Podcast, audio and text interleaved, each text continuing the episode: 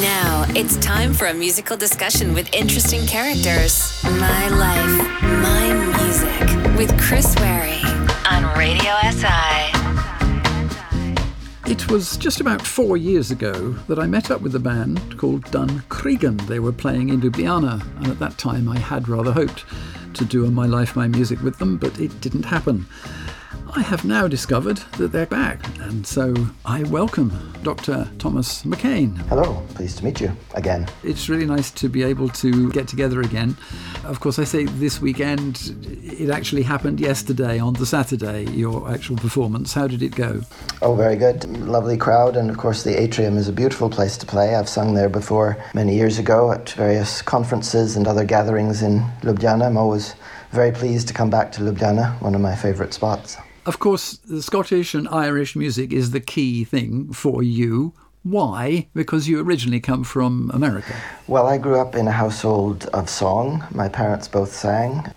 My father was more interested maybe in the Delta blues, but my mother sang quite a lot of folk songs from the British Isles, as did my father. So I grew up not just with the songs from the British Isles, but with the idea that people sing, that it was a normal thing to do as a way of communicating, a way of expressing yourself. So we sang a lot of songs from the British Isles part of the world. It is a very uh, personal thing, isn't it? Because everybody, every country, everywhere has music of their own and it is in their heart. And, and Slovenia, of course, is no exception to that.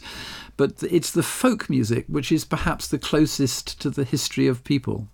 Well, absolutely. It tells the story of humanity, really, and, and of our societies and us as individuals the human experience can always be found in a community's folk songs, and that's you know what I've turned in from my original interest as a child into my profession as a, as a folklorist. That's what I do, is speak to people about their folk traditions and how they express themselves through them.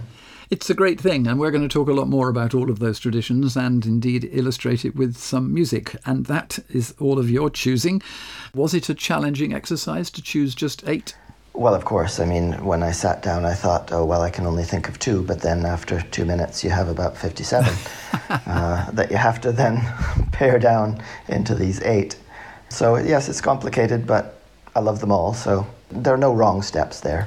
Is there a story to be told through each track? Well, I think so. You know, starting with my initial acquaintance with music of the British Isles, I've chosen a song called The Battle of Otterburn which is an old ballad that goes back to the Battle of, of Otterburn in 1388 in August, and that's a song that we sung in my family for many years before I even knew much about ballads or history or anything. So that means a lot to me. It fell about the lammas tide from the muirmen wind their hay. The doughty Douglas bound him right into England to drive a prey. He chose the Gordons and the Grahams, the Lindsays licht and gave But the Jardines would now with him ride, and they rue it to this day. Oh, he went a pair to the dales upon Tyne and pair to Bamborough Shire. Three tall towers on reeds were fells, he left them on fire. He's marched up the Newcastle and raided round about and falls er the laird o' this castle, and falls the lady o'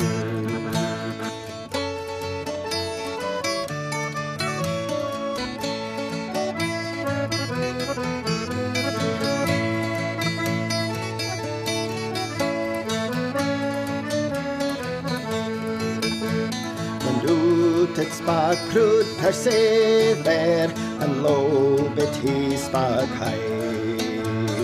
I am the laird of this castle, my wife's the lady old.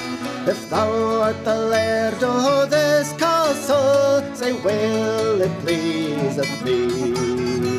For ere I cross those border fells, the dean of us shall deal.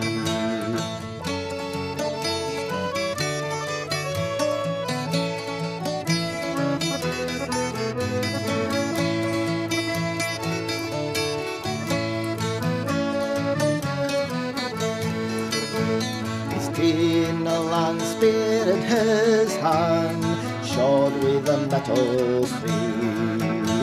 And round Athos castle was he raged furiously. And oh, who pale Percy's lady looked, fay off that castle wall.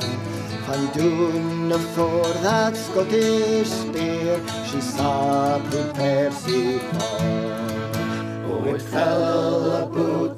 Lammas tide from the muirmen win their hay. The doughty Douglas bound him riding to England to drive a prey. He chose the Gordons and the Grahams, the Lindsays left and gay. The Jardines would not with him ride, and they rue it to this day. Well, it's a very old song that tells the story of the Battle of Otterburn, which was fought in August of 1388. The ballad comes from a few years after that, but it tells the story of, of essentially what happened in the historical past, but also it tells us a lot about how people felt about it. And that's why ballads and songs are so interesting, because they tell us how people felt about the world around them.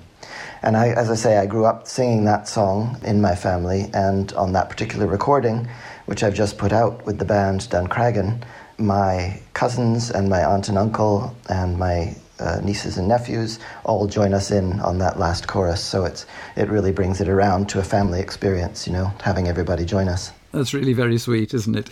And that just proves the whole point of what we're saying about music. And yet, that music is, is hundreds of years old, uh, but it's still in your heart and in your family. Absolutely. I mean, people say, why would you want to listen to old songs? But old songs tell us so much about the human condition, as do some new songs, not all new songs. But, you know, there's just so much insight into the human condition in these songs and so much of relevance to us today. And the other thing that you can hear in all songs, if you have an ear for it and if you've listened to music from different countries, is actually where it comes from because it is different to something that you would hear from maybe an Eastern European country or a Balkan country or America or wherever else. Absolutely. Each, each country has its own dialect, as it were, of music and song using different intervals, different forms of tune the music of Slovenia and southern Croatia, the family ballads of Croatia, and over to the epic songs in the Serbian and Albanian tradition are just extraordinary reflections of the landscape and thousands of years of history being at the crossroads of cultures. And so all of that is, is bound up in the songs and the music. And so it's very instructive for anybody to listen to. You don't have to be local to a culture to get a huge amount of insight and feeling from listening to other people's folk music. Oh, absolutely true. Yes, it's just that you won't necessarily recognise where it comes from unless you're given that information. And certainly, if I've travelled to Asia, it, it, happens there too. But the music is very dramatically different to that in the European region. Indeed, and that's one of the beauties of it. These days, when you travel, you find the same brands of this and that, and the same Starbucks on the corner. But folk music of a region, the vernacular music of a region or a culture, is always distinctive and always a little different, even if a culture around the world has taken in hip hop, you know, from the American recent tradition. They make it their own and they express themselves in their own way through it. And so finding that distinctiveness with where you're going at its and its musical traditions is very, very important to me and I'm sure to many people. I think it's true for anybody. It's important, particularly your own music. Let's move on to the second. What will it be? Well, a little shift in emphasis here. This is the Beatles song, I Saw Her Standing There which I think is just two and a half minutes of absolute perfection. Interesting. Why? I think the approach, it just sounds so contemporary even now. I mean, of course, I grew up in the 60s. Uh, I was a little behind the curve to be a dyed in the wool Beatles fan, but my older sisters were. So it was around the house, and it was just, just something refreshing blowing in through the window, and the energy and life and the exquisite harmonies throughout their work, and particularly sort of mid 60s stuff uh, with the sixth and sevenths and so on. You know, it just pins your ears back even today. It's great stuff.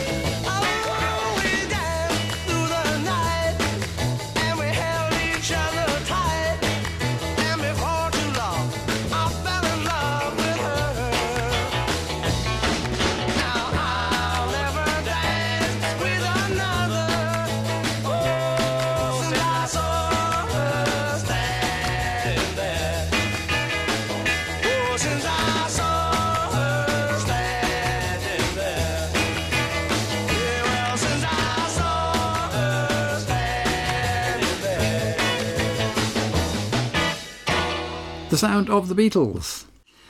My guest today is Dr. Thomas McKean, and he's come from America but currently based in Aberdeen. So tell us about your life in Aberdeen.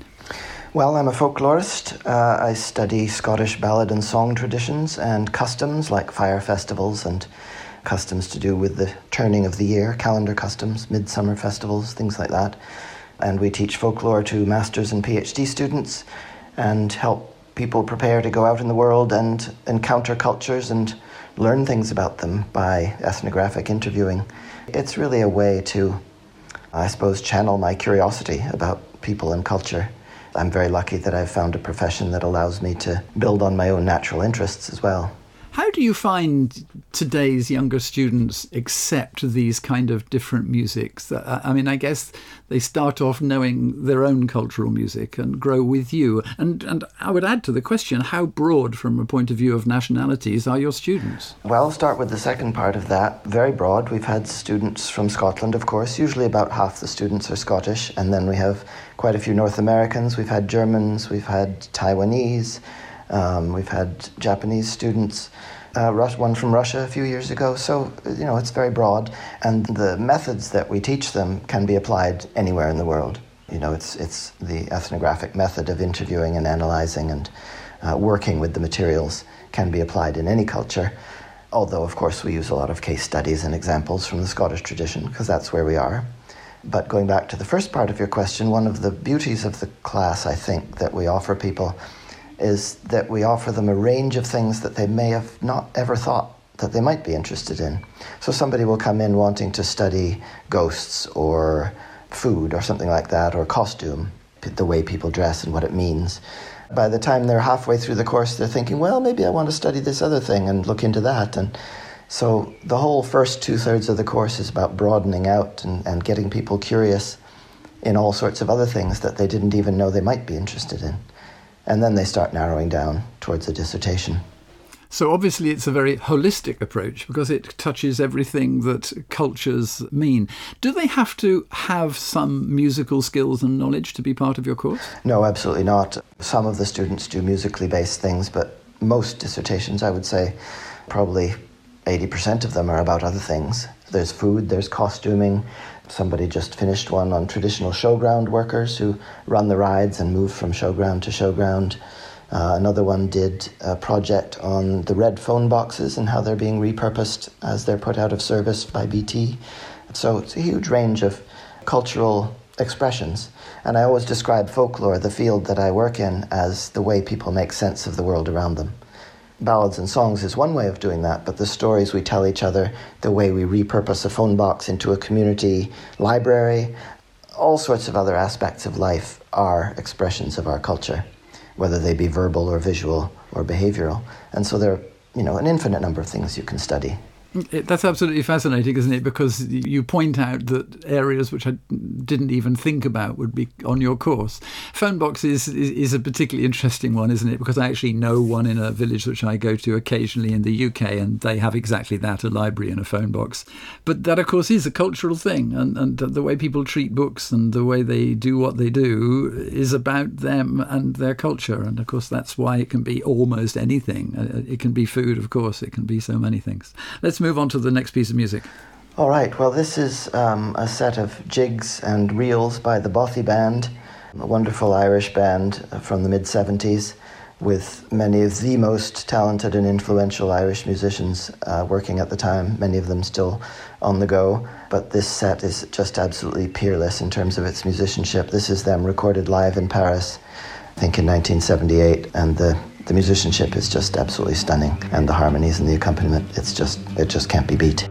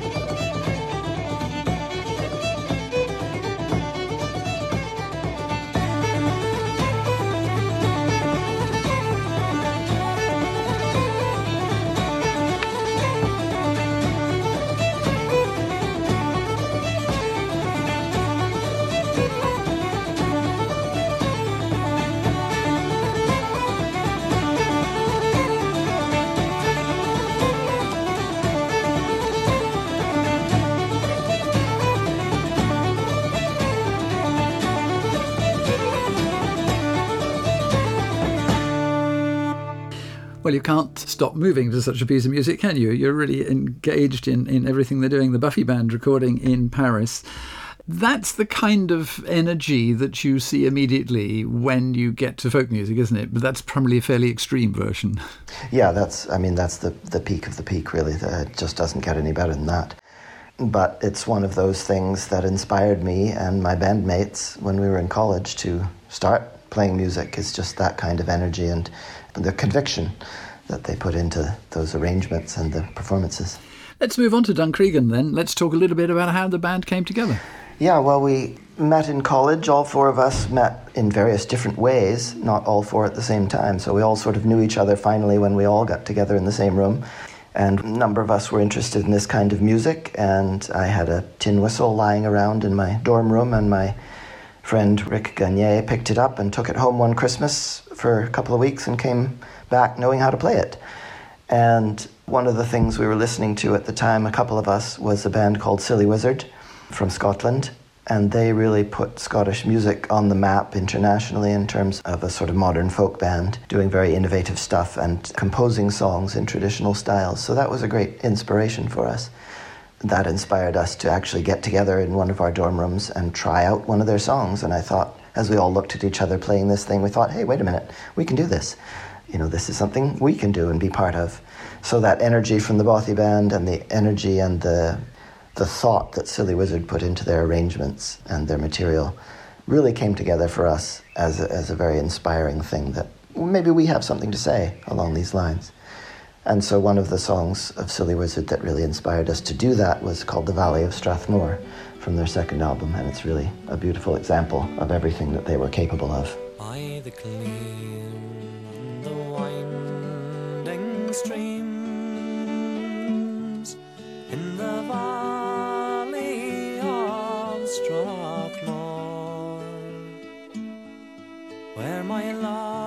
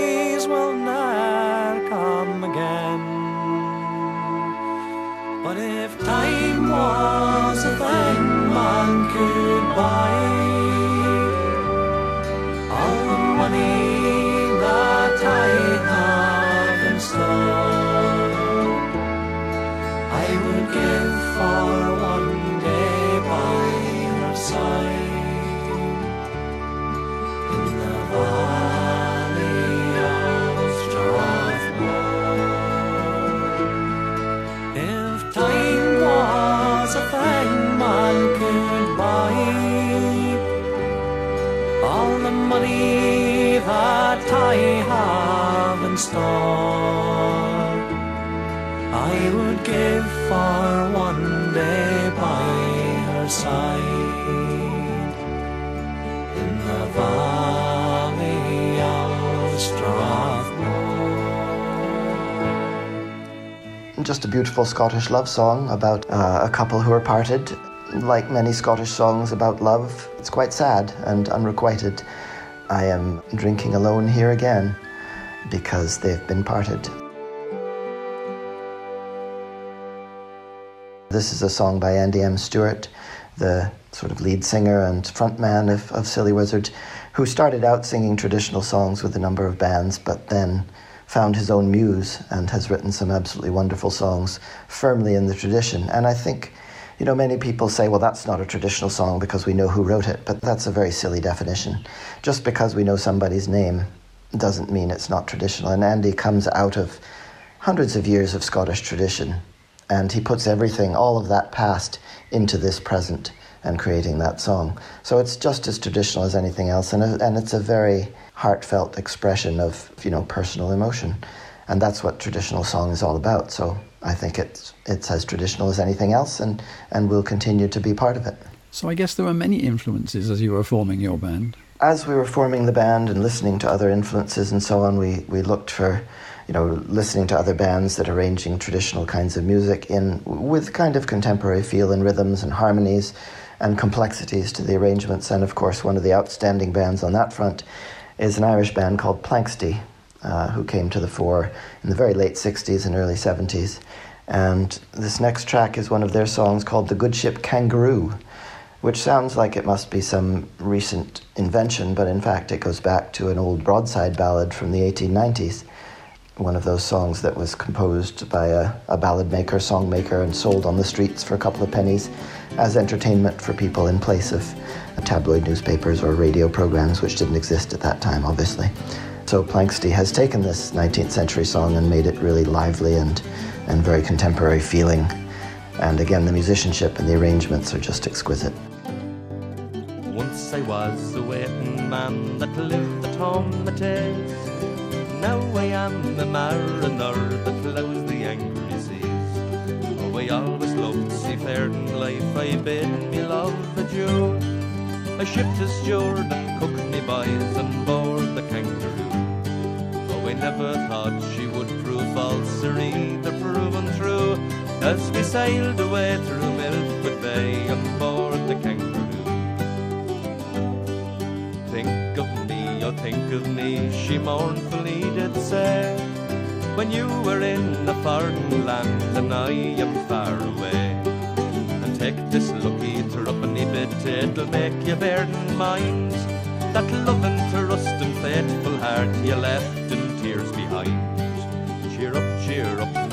true love, don't weep so bitterly.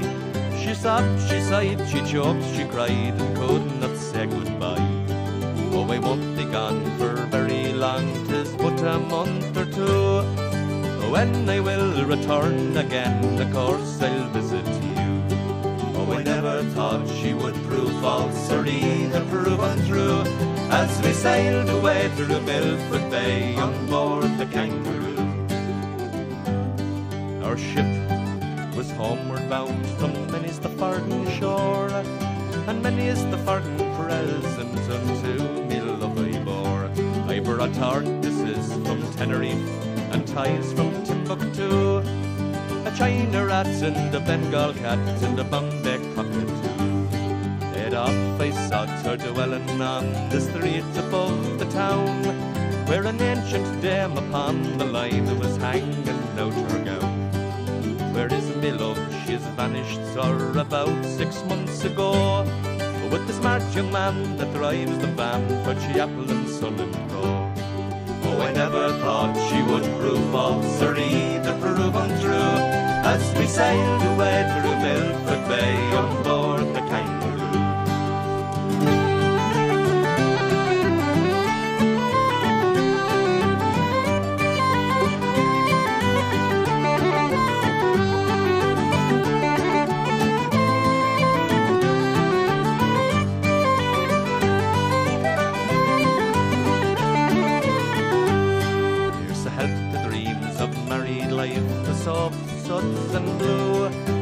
Through love and faith and starch and washing soda too.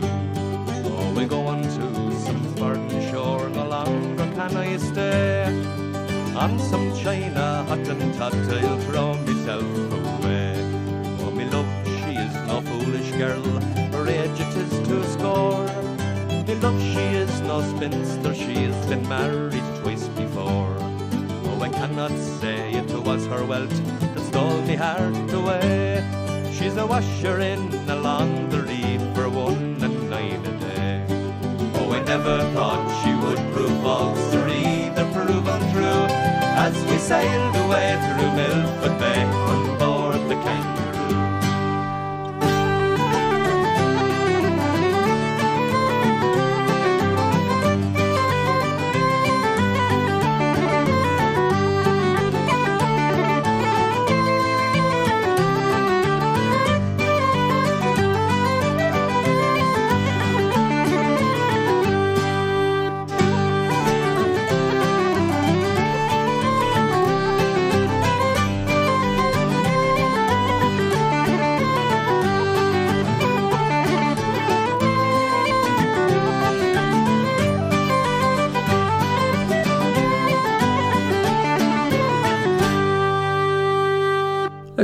Yes, well, as you said, lots of different elements and uh, obviously not exclusively Australian. Fair enough.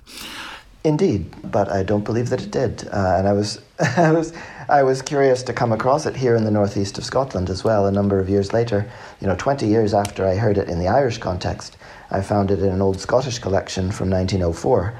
So it retained currency all through the British Isles. Curiously, you know, it's quite an amusing little song, uh, and it has little anomalies like that, like the kangaroo. But then again, I also discovered recently that in around 1770, there were three kangaroos living in rural Aberdeenshire. Fun fact for the day. Tell me how you feel that traditional music influences today's music, because there are often elements from things that we recognize, maybe even just a phrase of music, and certainly sometime lyrics. Yeah, well, let's look at the beginnings of you know what became 20th century rock and roll when you have African American blues music coming in with country music and Appalachian folk song, which of course came from the British Isles as ballads and songs with emigrants from the British Isles to the Americas. when you mix those two things together, you get rockabilly and you get rock and roll ultimately. So it really is all connected in a big circle. And so it's no wonder that there are echoes, as you say, in all of these kinds of music of all the other influences that have gone into them.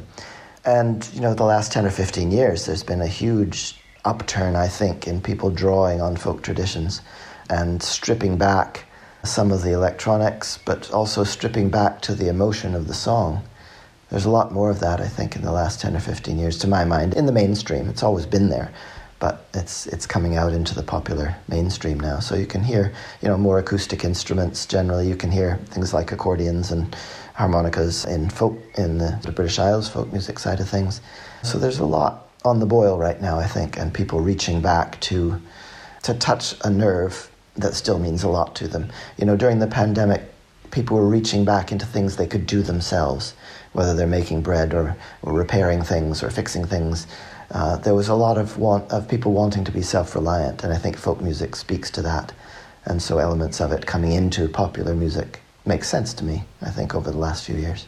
It's certainly exciting. I really like the fact that I get from music which I hear, maybe coming from the States, which has elements of, of songs which I am aware of, you know, or stories that I'm aware of in the UK, obviously that's no exception too, that you get things which I knew when I was a kid coming into a, a, a song which is popular today.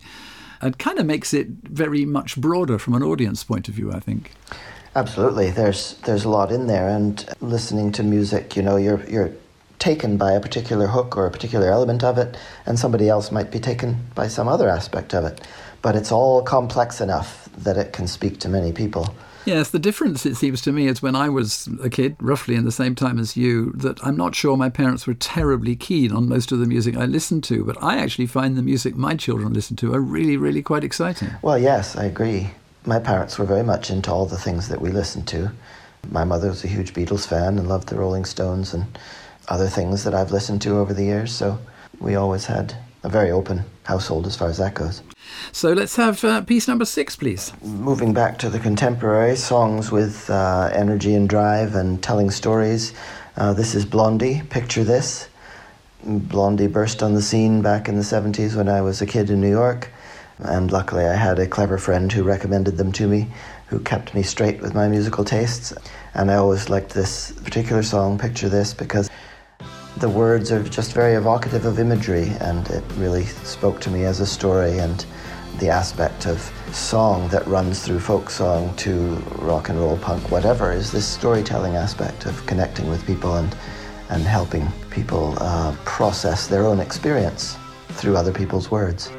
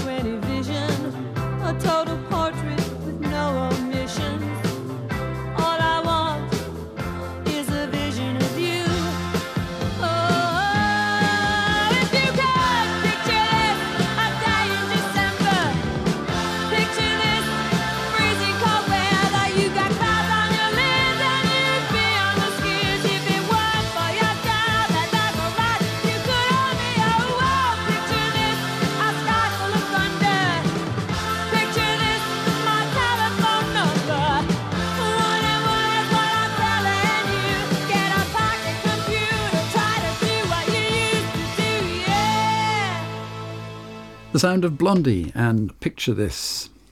The guest in my programme today, Irish and Scottish folk singer Dr. Thomas McKean. Thomas, let us talk a little bit more about your band and the gigs you do. You obviously perform all over the place. Tell me a little bit about that, maybe some of your experiences. Well, it's been great, great fun over the years. You know, we played in college together and uh, after college for about 10 years, playing all up and down the east coast of the US, which was great experience and great fun, meeting all sorts of interesting people and usually a few sessions afterwards with some music and songs from, a, from and with other people. So you get to meet other musicians and, and people who appreciate the kind of communication that we're trying to put across. Uh, so that was lots of fun. And then, as is sometimes the case, life happens. And, you know, we sort of went, we didn't go our separate ways as friends, but we didn't play music together for a number of decades, apart from a small tour in some parts of Germany and Switzerland in the 90s. But then, sadly, one of our bandmates got sick in uh, 2014 uh, and passed away, our, our, whistle player and banjo player, Rick Gagne. And that really woke us up, you know, that this music is something very powerful and that the friendship that we have from having played together for all these years is very, very important to us. And the, the music bound up in that is just part of a very intense bond that we have and share. And when we're on stage doing that and we look at each other during a song or a tune, it speaks to us and we know that we're onto something and we can feel the joy and connection in each other's hearts and that's incredibly important to us as performers and as individuals uh, to be part of that and that's why we have taken it up again and so since 2015 we've been doing something every year whether in the US or in Europe and it really helps us connect as friends and helps us keep the memory of our dear friend Rick alive as well uh, and put across some of the joy that he found in his compositions, which we still play. So playing music together helps us hold him in our hearts and, and express that love for each other to other people as well. That tells a lot about not only that connection, but also what I remember seeing on the stage, because you're not only connecting with the audience, but you are obviously having at least musical, or, and in this case, obviously mental, then conversations between one another during that performance, and it's part of each performance. Absolutely. The musical communication through the notes and through the looks and through the physicality of being in space together it, adds another dimension to friendship, you know, and, and many people will have experienced this, you know, doing things together working side by side together on the music beforehand to get it right, get it the way we want it. It's all part of that process. And I always say to our students that folklore is not just products of songs and stories and bits of music, it's the process of how that's made and how it's communicated and how it's passed on. And so by being in the band, we can be part of that process and that whole, all those hours that go into getting the performance ready for actual, that ex- actual hour of performance is part of the whole thing. And without that process, none of it would be as rich or rewarding for either us or the audience. So it's, you know, thinking of folklore and tradition and culture as a process rather than a product is very important. So what's the next piece of music for the show? Well, this is a song which many listeners will be familiar to. Again from the 70s, Rolling Stones, Sympathy for the Devil. And it's one of those songs that takes a contemporary event and turns it into a visceral experience. The political turmoil of the 60s brought together in this song of incredibly high energy. It doesn't say everything explicitly, which I love in traditional songs as well as the, the rock and roll songs that I appreciate is that kind of visceral storytelling that uh, tangentially tells you something, but how you react to it and how you think about it, what you take out of it, is down to you as the listener. And that runs through folk music and rock and roll. The, the meaning is created between the performer and the listener. And so I like that, that very visceral aspect of this song, the intensity that's in there.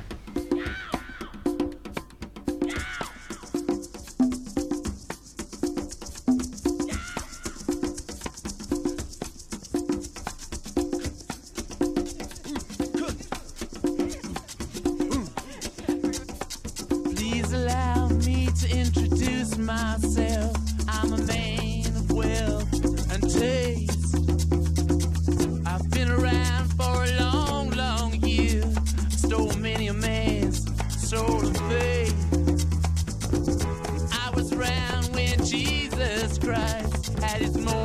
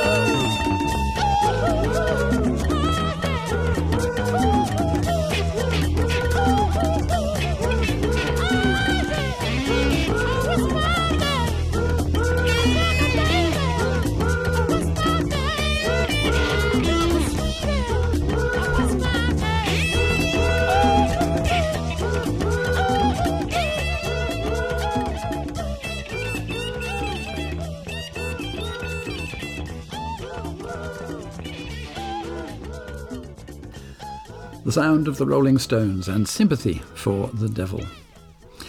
We come to the very end, only one more short piece of conversation between us. And uh, I think that uh, rounding it up obviously would be to perhaps say, what do you feel about the future of your music and in folk music in general? Obviously, will live on beyond you, but uh, you you have painted this picture of you've come back together because of your relationship and the importance of the relationship, not just as in the music, but as a group of people. Is this going to carry on? Are you going to carry on the touring? Absolutely, absolutely, no question about that. As I say, it means a lot to us. We uh, speak to each other every week throughout the year when we're not touring about the music and our lives and so on, of course, as well. Part of that overarching process of moving through life. But the music is is the hub of our wagon wheel, so to speak. You know, we move in through, to the spokes and we play the music at the hub, and then we go out and do our various things in life. We all have very busy careers in various different aspects of, of education, but this gives us a real focal point and a real theme around which to work. And I thought there's no way we're going to turn our backs on it. Certainly keep keep playing and composing and producing. We have a new album that we're part way through recording. We just produced an album in tribute to our friend Rick, featuring all of his some of his compositions and his wonderful musicianship. So, you know, a lot of projects on the go, and and all of it keeps our relationship close, and our families are all close with each other as well. So it's it's part of community, and you know, folk music is about community and about communities speaking with each other and communicating with each other. And as a band, we're just a small community, just like a, a village or a town or a, or a city. And music is a way of communicating within any group, big or small. Certainly, that explains why your tours tend to be during the uh, university break times, because you've got jobs to do during the term times. it helps, yeah. we have, I'm afraid, come to an end. Uh, you've just had a, a, tour including Slovenia, which is uh, fantastic. Tell me a little bit about the last track that we're going to hear. Well, the last track goes back to the 1980s. It's from our first album of live recordings from the 80s. This is a set of three reels uh, The Black Haired Lass, and The Tempest, and The Dog on the Motorcycle. Spot the anomalous title there. The, the third tune was written by our accordion player, Carrick Eggleston.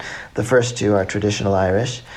This is the first set that we put together where we really felt we'd cracked it. We like the way it builds, we like the way it's arranged, we like the way people come in and out. We really felt we'd created the whole package here, and, and I, I hope other people agree, but we certainly were very happy with it and um, very pleased with the overall feel and the sense of of rightness, I suppose, the sense that we, you know, we put things in the right place and it really worked. And so even now, you know, we like to play that set and feel that sort of energy that we felt when we first put it together. Thank you very much indeed, Dr. Thomas McKean, for bringing that to us and, and allowing us to hear some of the background behind the music that you both play and enjoy. You're very welcome. It's a great pleasure and it's wonderful to have been touring in this part of the world again, and we hope to come back soon. Thomas McKean, thank you very much. Thanks.